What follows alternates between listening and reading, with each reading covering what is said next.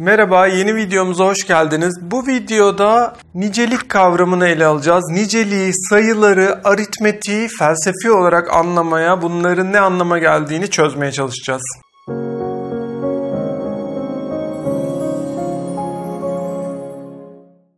Bir önceki videomuzda niteliği ele aldık. Yani varlığın nitel olarak varoluşunu ele aldık. Önce kendinde bir varlık vardı, sonra kendi için bir varlık vardı. Ama en sonunda gördük ki nitel olan varlık soyut bir varlıktı, sonlu bir varoluş evresiydi ve kendi sonsuzluğunu, kendi gerçeğini, kendi gerçekliğini, idealliğini, ideasını sayı kavramında sakladı.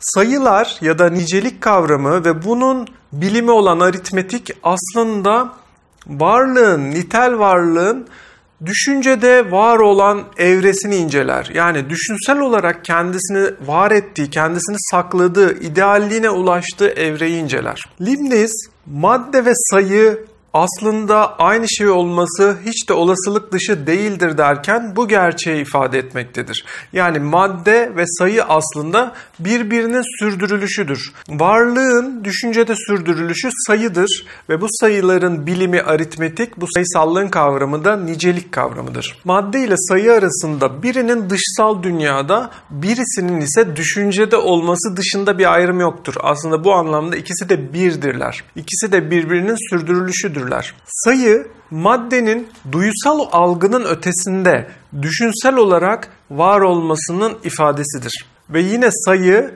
maddenin, o niteliğin sonluluğunun ötesine geçişidir. Sayı düşünce olarak sonsuzluğa ulaşan maddeyi ifade etmektedir. Yani sayılar düşünsel olarak bir birliği, bir sürekliliği ifade eder. O tekil tekil nesnelerde, tekil tekil niteliklerde takılıp kalmak. Sayıların da madde gibi dışsal olarak, düşünceden bağımsız olarak doğada var olduğunu düşünmek günümüz biliminin yaptığı bir dik kafalılıktır, yaptığı bir anlayışsızlıktır. Çünkü sayının düşünce olduğunu gözden kaçırır. Sayı da tıpkı madde gibi düşünceden dışsallaştırır.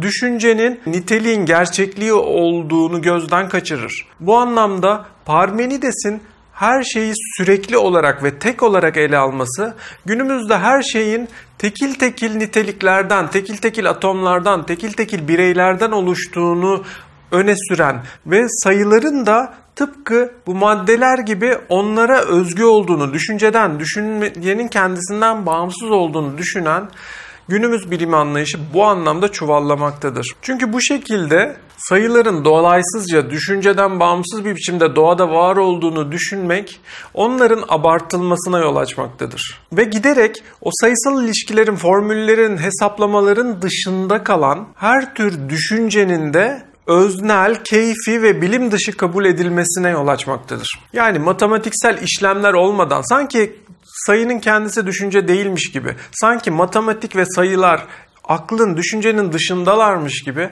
matematiksel işlemleri dışsal olarak ele almadan bilim yapılamayacağını savunmak günümüz pozitivist anlayışının bir özelliğidir ve kesinlikle yanlıştır. Kesinlikle felsefeyi tanımamakla, felsefeyi anlayamamakla, insanı, insan düşüncesini anlayamamakla ve bunu bir mekanik süreç gibi, bilimi bir mekanik süreç gibi ele almaktan kaynaklanmaktadır. Aritmetik biliminde sayılar önce bir sayısıyla karşımıza çıkar.